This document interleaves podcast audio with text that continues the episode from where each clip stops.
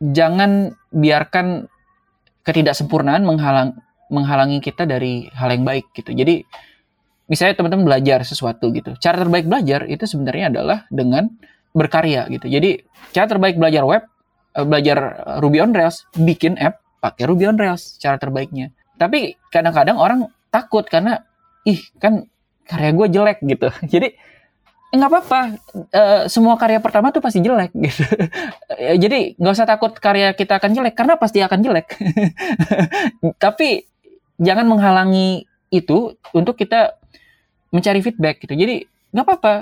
Uh, bikin karya meskipun jelek ya udah nggak apa-apa rilis terus kasih tahu orang ada feedback nggak gitu gitu atau lihat codingan gue pasti takut kan kayak codingan gue pasti jelek ya. Uh, eh, gue ta uh, takut nih codingan gue jangan-jangan jelek ya nggak apa-apa codingan pertama kita kemungkinan besar pasti jelek kecuali kita terlahir jenius gitu ya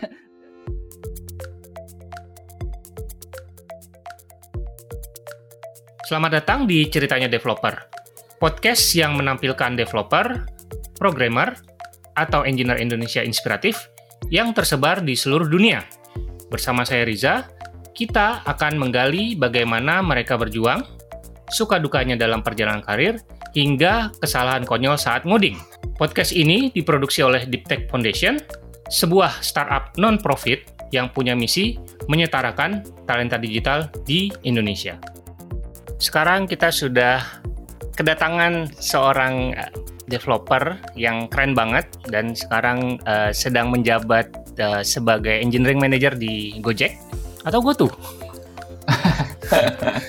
Sebelumnya juga um, Mas Iqbal Farabi ini juga bekerja sebagai uh, Ruby on Rails developer, salah satunya di Starcloud Indonesia, bareng juga sama uh, narasumber sebelum kita, uh, Gio Sakti, dan sekarang juga sedang apa ya menjalankan inisiatif-inisiatif yang keren-keren banget. Jadi kita langsung ngobrol santai aja sama Mas Iqbal Farabi. Halo Iqbal.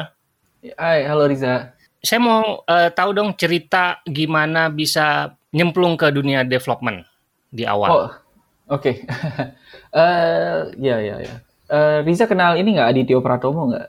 Kenal, Adit. Nah, iya. Nah itu dia teman SMP saya tuh. Di oh. SMP dipanggilnya Didit gitu. Yeah. Jadi awalnya adalah waktu kelas 2 SMP itu saya sama Didit itu di, di pesantren yang sama kita sekolahnya ke pesantren mungkin nggak nyangka kalau lihat Didit gitu ya ini lulusan pesantren gitu uh, kamar kita sebelahan. Jadi kamar saya sama kamar Didit asra, di asrama itu sebelahan. Uh, nah terus dia dia tuh zaman itu suka bawa majalah saya lupa chip atau apalah gitu. Uh, apa?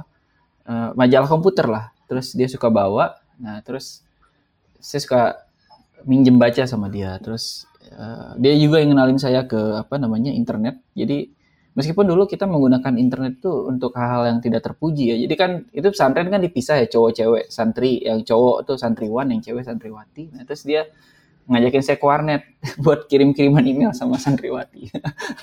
anyway, uh, jadi gara-gara itu tuh saya sebenarnya agak kagum kayak ini kok benda nih ajaib bener gitu. internet nih ajaib bener gitu uh, waktu itu waktu masih kelas 2 SMP terus akhirnya dikasih tahu Didit lo kalau mau bisa bikin begini-begini lo harus bisa programming gitu kata dia. Oh ya, iya. Terus ya dikasih dipasok buku-buku yang gitu-gitu lah, buku-buku soal komputer, soal programming. Terus, uh, nah itu awal ketertarikannya pengen bisa belajar coding itu. Hmm, berarti dari uh, internet ya? Maksudnya ketertarikan ke dunia internet gitu ya? Awalnya iya, hmm. gara-gara kok ajaib bener sih bisa ngirim email gitu. Oke. Okay. Yang sebelumnya harus pakai surat gitu, pakai kertas gitu, kirimin ke Pak Pos hmm. gitu ya. Iya. Nggak, terutama karena kalau surat-suratan fisik kan bisa ketahuan sama pengurus pesantren kan. oh. kan, itu ntar kena hukum.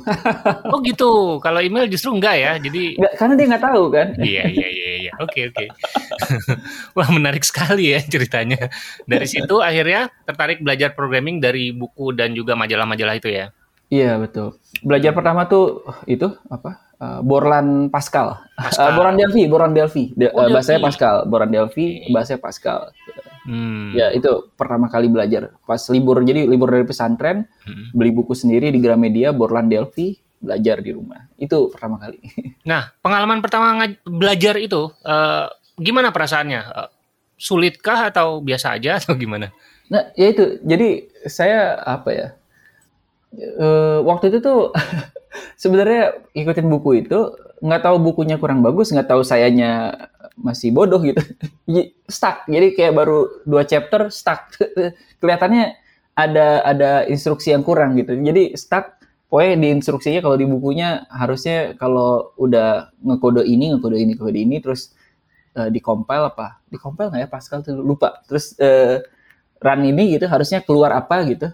Di saya nggak keluar terus saya debug itu se sepanjang liburan waktu libur kan itu libur dari pesantren ya jadi sepanjang libur saya debug nggak berhasil. Akhirnya waktu itu ah udahlah nanti lagi aja. Gitu pengalaman jadi uh, kebayang ya kalau sekarang misalkan dengan ya buku-buku uh, konvensional buku kertas itu kan masih ada ya. Kalau hmm. misalkan kalau zaman dulu kan kalau misalkan kita stuck atau eh, ada error dan lain-lain bingung ya carinya di mana gitu ya. Kalau sekarang Betul. ada Stack Overflow gitu kan. Iya, benar. ada Google gitu kan.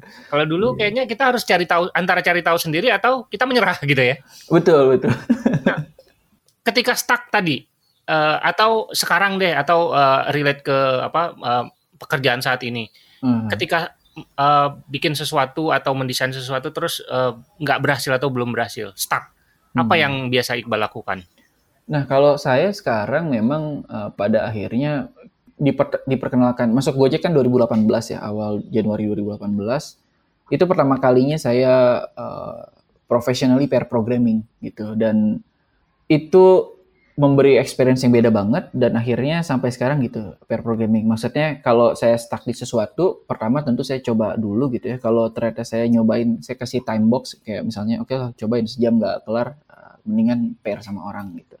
Karena uh, manfaat yang saya rasakan adalah ketika pair programming tuh kita tuh kadang-kadang punya punya blind spot yang besar terhadap apa yang udah kita tulis. Jadi uh, misalnya ambil contoh hari ini gitu ya, saya itu uh, lagi ngerjain sesuatu gitu dan itu uh, cukup banyak yang dikerjain.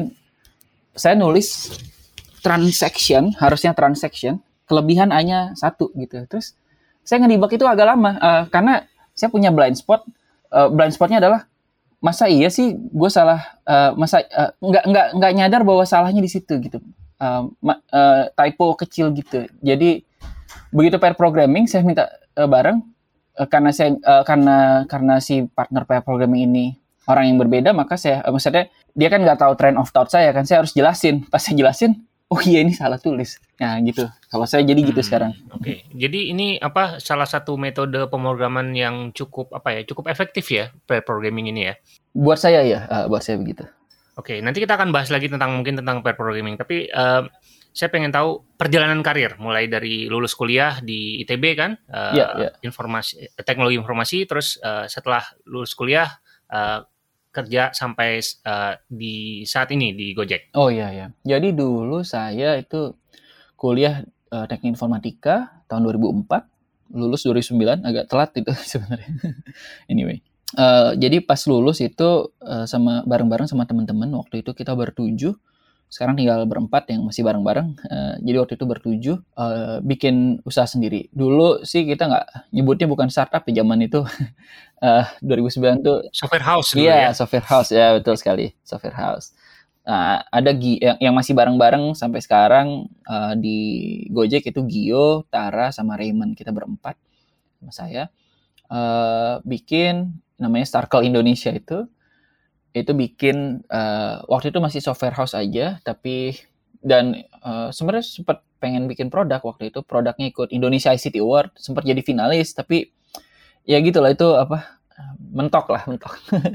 Uh, tapi uh, produknya mentok tapi kita untuk menghidupi diri uh, kita nerima project gitu ya. Maksudnya orang mau pesan software apa karena kita software house ya kita bikinin gitu.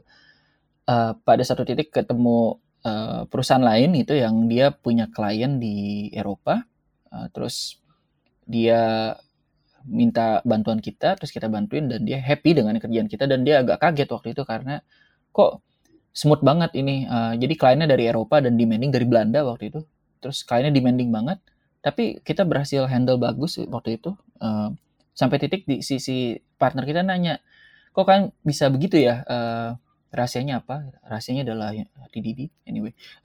Uh, terus dia bilang e, kita kerjasama aja mau nggak daripada cuman gini-gini doang. Akhirnya join join venture waktu itu bikin perusahaan baru bareng si partner ini. Jadi uh, dia ngerjain SAP-nya dia dia dia bidang SAP bidangnya.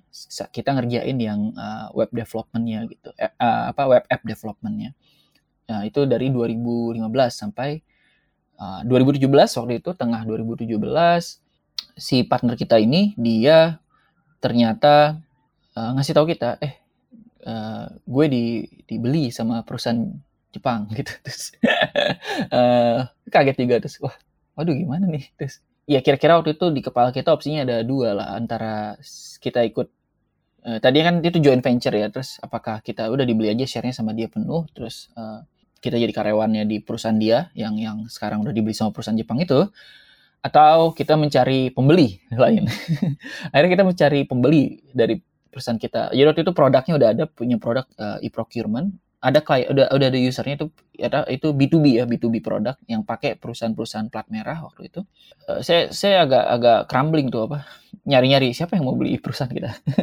uh, uh, ya atas serangkaian nasib yang tak terduga gitu ketemu Gojek, tapi sebenarnya Gojek itu nggak ngebeli kita ada saya nggak bisa cerita arrangement detailnya gitu ya karena ya tapi katakanlah semacam diakui hire semacam ya not, not formally akui hire tapi semacam itu jadi hasil dari arrangement ini adalah semua tim uh, tim kita yang apa uh, semua engineering tim kita berakhir di Gojek itu pada Januari 2018 ya gitu ceritanya dari awal sampai sekarang di Gojek. Oh, Oke, okay. jadi semacam di acquire pada uh, walaupun semacam, tidak sepenuhnya ya.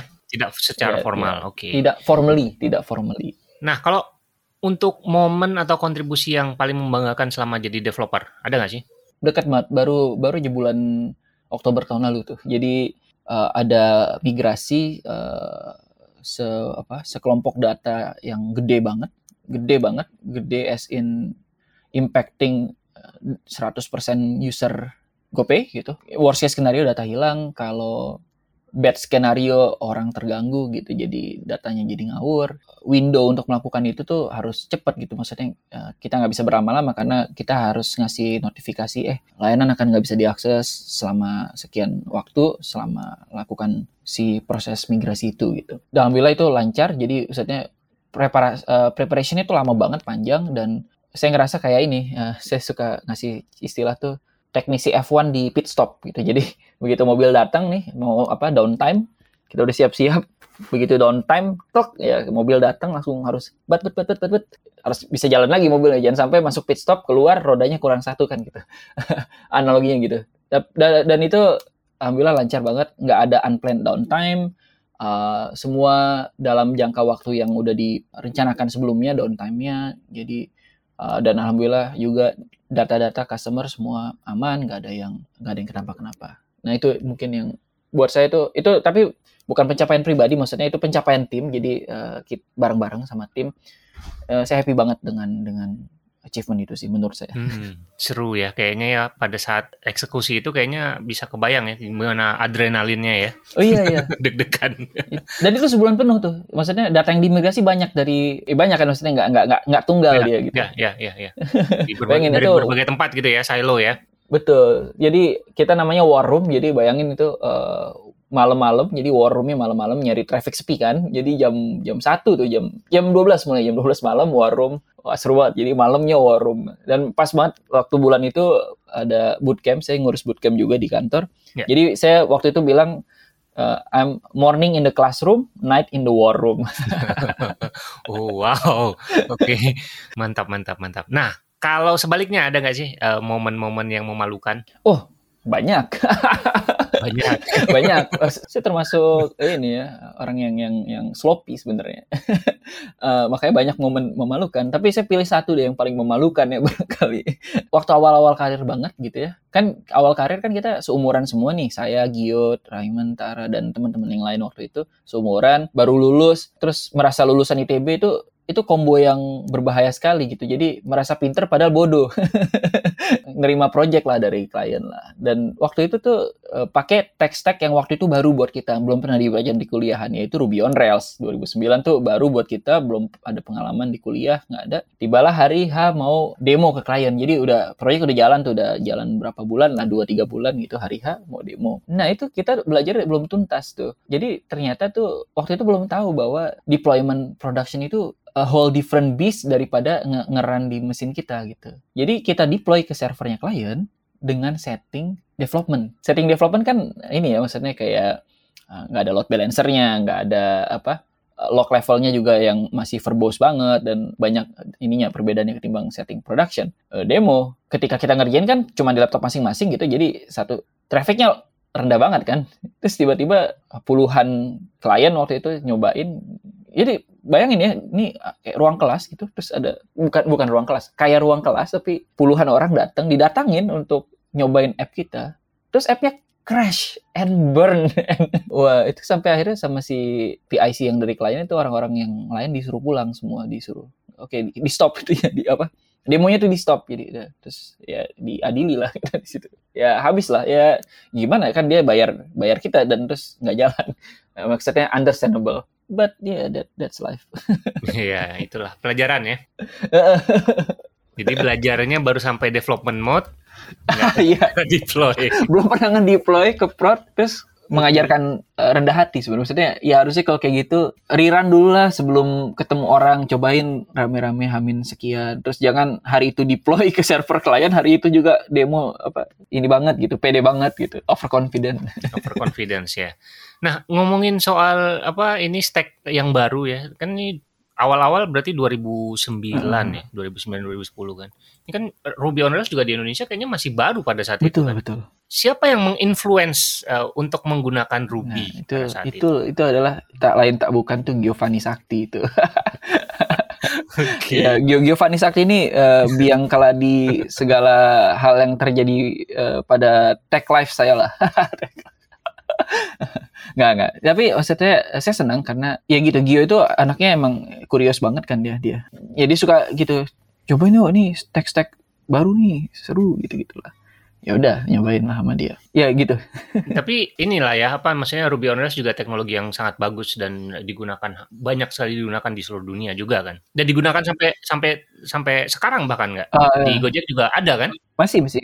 Uh, Iya betul betul. Jadi di Gojek masih ada beberapa tech stack yang Ruby. Meskipun uh, lebih banyak ini sih sekarang lebih banyak Go, Golang yeah. sama Java. Eh, kalau backend ya, uh, Golang, hmm. Java, sedikit Clojure okay. di sana sini, ya gitu. Nah, kalau boleh tahu nih, sekarang nih pada saat ini lagi ngerjain proyek apa sih? Sekarang kan saya di automation team. Automation team itu adalah uh, tim yang tugasnya melakukan otomasi. Jadi customer kita adalah uh, engineer yang lain gitu. Jadi kalau bisa orang kerja di GoFood, customer dia engineer GoFood tuh customernya uh, Mas Riza kan. Kalau Mas Riza pesan GoFood ya Mas Riza tuh customernya engineer GoFood, usernya engineer GoFood. Kalau saya user saya adalah si engineer GoFood itu gitu contohnya. Nah, hmm. kan kita kan banyak ya, maksudnya servicesnya banyak, uh, microservicesnya banyak, dan mereka perlu uh, stateful components. Stateful components tuh buat teman-teman yang pendengar yang barangkali belum familiar tuh PostgreSQL, Redis, MongoDB itu namanya stateful component. Jadi apa? Komponen yang dia uh, persis nyimpen data nge-persis data, persistence data gitu. Nah, uh, mereka kan suka nge-request ya kayak tolong dong gue perlu ini nih perlu apa Postgre buat service gue gitu. Nah itu kan bisa nggak dia ini sendiri? Ya bisa, cuman kalau kayak gitu akhirnya kan jadi nggak nggak ke manage ya kita jadi nggak tahu ada berapa PostgreSQL di seantero seantero company kita dan itu bahaya kan kalau dibiarin karena orang bisa suka-sukanya aja masang uh, instance type yang mana di size-nya berapa uh, memori berapa memori nggak ngikut sih. Akibatnya cost bisa nggak terkendali kan kayak gitu kan itu kan bahaya kan. Nah jadi maka itu di centralize ada satu tempat yang melakukan otomasi sehingga mereka nggak perlu bikin sendiri karena satu selain susah, tapi tadi yang kedua nggak bisa ngekontrol budgetnya, nggak bisa ngontrol security-nya, nggak bisa ngontrol mastiin bahwa itu tidak ada konfigurasi yang snowflake gitu ya. Maksudnya kita kan pengennya konfigurasinya sama semua semua semua stateful komponen yang kita punya karena kalau ada snowflake kasihan kalau engineer ada masalah gitu. Jadi ngedibaknya tebak-tebakan kan ini waktu install pakai apa kan gitu. Makanya decentralize. Nah, decentralize itu di tim automation. Uh, jadi kita lagi bikin tooling untuk sekarang kita pakai IAC, pakai eh, infrastructure as code, pakai Terraform dan Ansible. Tapi kita mau bikin satu layer lagi di atasnya itu even uh, automate better gitu. Jadi kalau sekarang uh, harus engineer kita yang bikin manifest buat IAC-nya dengan tooling ini kita pengen bikin supaya bahkan engineer kita nggak perlu lagi bikin manifestnya. Udah diotomasi sama uh, sama situs ini bahkan kita pengennya bisa self apa self serving gitu. Jadi self serving anda tinggal klik klik klik klik dikit langsung jadi itu barang. Oke, nah kalau dengar ceritanya berarti ini adalah job desk dari DevOps bukan sih? Ah betul betul. Jadi uh, sebenarnya uh, boleh dibilang uh, ini contoh implementasi DevOps culture di di kantor salah satu contoh. Oke, jadi DevOps itu adalah kalau tadi ya contohnya uh, benar sekali kalau misalnya pengguna Gojek atau GoPay atau yang lain adalah customer end user. Kalau misalkan uh, DevOps itu customernya adalah developer gitu ya? Iya kurang lebih. Hmm, tujuannya adalah untuk membuat si developer ini lebih produktif gitu ya. Yang yang tertarik dengan DevOps bisa dengar itu podcastnya Kode Nol. Saya waktu itu sama Sari sama Verta tuh iya, iya, iya. ngomongin DevOps. Oke okay, oke okay, ya. DevOps kayaknya lagi lagi lagi uh, nge-hype juga kan sekarang ya. Iya iya. Menarik ya. bidang yang sangat menarik. Nah tadi kan sempat disinggung juga nih uh, hmm. Iqbal ini juga salah satu uh, sosok di belakang uh, bootcampnya hmm. Gojek ya, Go Academy. Mungkin bisa diceritakan uh, tentang program ini apa sih dan apa yang melatar belakangi akhirnya Gojek membuat program oh, Oke okay, ya ya. Jadi Gojek kan kantor engineeringnya ada di dua tempat, satu di Jakarta Indonesia, satu di Bangalore India gitu. Ada di dua tempat. Dua tempat ini tuh punya karakteristik yang unik. Uh, ini agak kontroversial sedikit barangkali tapi ya nggak apa-apa lah. Talent poolnya itu relatively masih sedikit dibandingkan dengan demand untuk perusahaan dengan skala Gojek gitu ya. Ya ini kontroversial orang bisa, oh enggak kok banyak talent. Ya oke, okay, tapi uh, saya nggak mau membahas ke situ, tapi assessment kita adalah begitu gitu ya, assessment kita. Oleh karena itu kita perlu uh, mencari talenta-talenta yang kita lihat uh, memiliki beberapa trait tertentu gitu. Nah, ketika kita dapat talenta ini, kita masukkan mereka ke program internal kita, di mana kita ngisi tadi antara raw talent yang mereka punya dengan skill yang uh, yang kita demand gitu. Nah, di di engineering bootcamp itulah di di uh, filling the gapnya di situ di di program engineering bootcamp kita. Jadi uh, ya, jadi uh, si apa Gojek kesulitan mencari talenta yang cocok buat uh, apa buat perusahaannya. Uh, kemudian uh, memutuskan untuk membuat inisiatif sendiri untuk mm -hmm. uh, apa hire orang dari luar dan kemudian di training gitu ya. In, house training lah kurang lebih in house gitu ya. training betul, in house training. Hmm, uh. oke. Okay.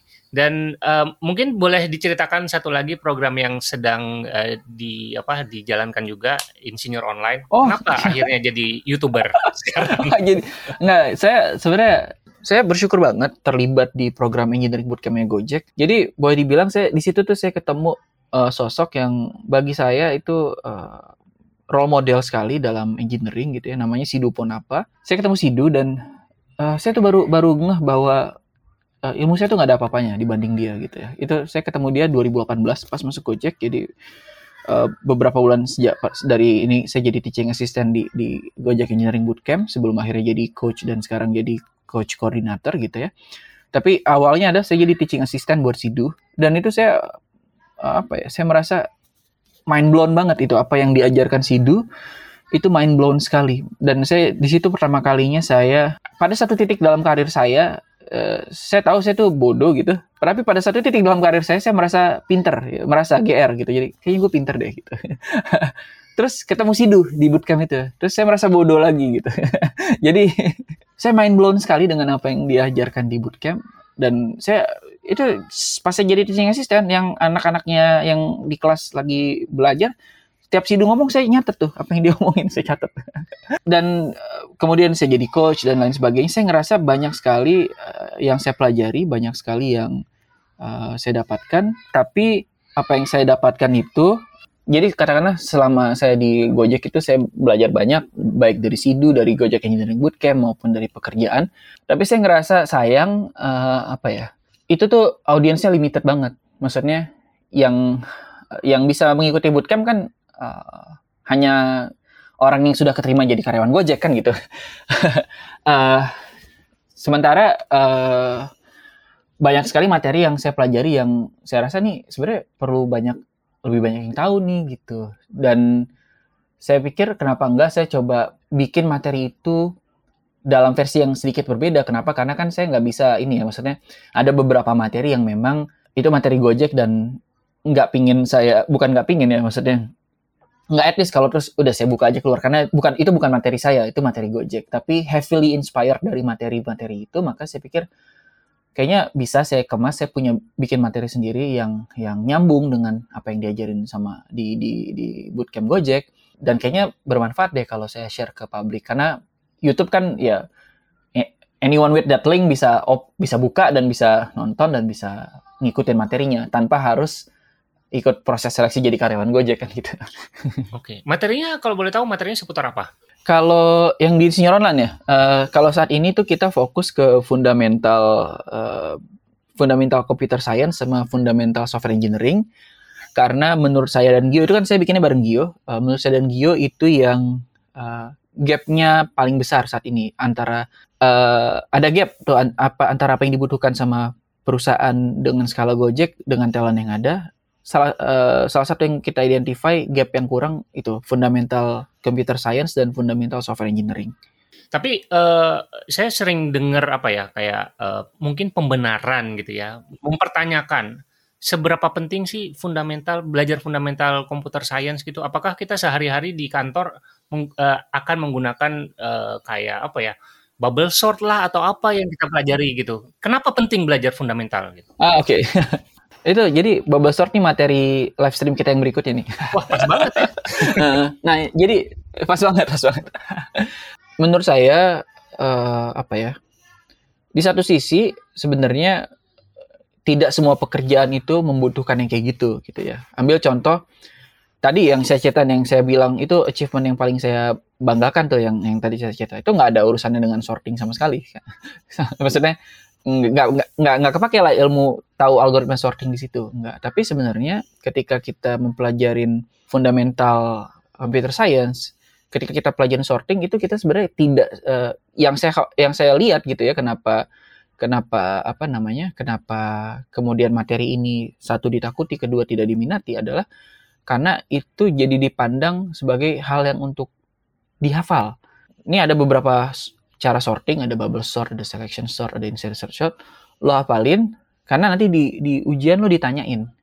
Tapi kan real life nggak kayak gitu sebenarnya. Kan nggak ada yang nggak ada tuh kita ke kantor hari ini mau ngambil story terus sama PM tanya, ayo insertion sort gimana, ayo kan nggak gitu kan. Aneh banget kalau PM kayak gitu. anyway, uh, tapi sebenarnya ketika kita belajar tentang macam-macam sorting itu sebenarnya satu yang kita pelajari adalah kita mempelajari bagaimana sebenarnya uh, melakukan efisiensi terhadap kode. Karena ini kepake apa pun yang kita lakukan gitu. Bahkan karena kan kita nggak ketemu problem sorting terus-terusan kan. Toh pakai Ruby aja misalnya ya ada array tinggal uh, array-nya dot sort ya ke sort sendiri Ruby udah punya implementasi dia sendiri uh, untuk sorting array kan gitu. Tapi memahami kompleksitas uh, algoritma dari dari berbagai algoritma sorting yang ada itu sangat baik untuk dipahami sama engineer gitu. Supaya tahu ketika karena kita akan ngolah data kan. Kita, program itu kan ngolah data sebenarnya. Uh, cuman yang ngolah data bukan kita tapi uh, si programnya gitu. Ketika kita ngolah dan memanipulasi data ya kita perlu tahu bagaimana yang paling efisien untuk mengolah dan memanipulasi itu. Mempelajari yang tadi membantu di situ. Itu satu. Yang kedua adalah memberi perspektif tentang problem solving bahwa sebenarnya masalah yang sama persis itu bisa jauh lebih efisien kalau kita punya cara problem solving yang lebih efisien juga. Hmm, jadi sebenarnya lebih ke mindset problem solvingnya ya. Wah, menarik menarik. Jangan lupa di follow ya. di subscribe. Makasih okay. lo dipromosiin. Oke. okay. Uh, eh, di luar pekerjaan nih, sekarang di luar pekerjaan. Punya uh, hobi apa aja sih? Hobi saat ini jadinya hobi beli buku. Maksudnya udah terlalu lama saya tuh beli-beli-beli belum dibaca. itu okay. koleksi buku ya. Eh, buruk sebenarnya maksudnya. Itu bad example tapi nggak Makanya resolusi saya tahun ini adalah saya membaca lebih banyak daripada membeli gitu. Itu resolusi tahun ini. Uh, ngomongin soal buku nih, kan suka beli buku kan nggak dibaca. Mungkin ada uh, buku terakhir yang dibaca dan mind blown atau mengubah mindset. Oh, ada ada ada. Ini buku yang lagi saya baca uh, masih ongoing, maksudnya uh, baru berapa chapter gitu ya. Judulnya Thinking in Bets. Bets-nya BETS. Uh, jadi berpikir dengan pola pikir judi. uh, seperti gini, itu mengajarkan uh, tentang uh, paradigma berpikir yang berbeda. Ambil contoh nih, misalnya Riza saya tanya, Ja, menurut lo alien ada apa enggak? Boleh dijawab? Ada. Ada nggak alien menurut lo? Hmm. Ada. Oke. Okay. Oke. Okay. Lo berani taruhan berapa? Seratus ribu. Ah, seratus ribu. Kalau 50 juta berani nggak aja? Enggak.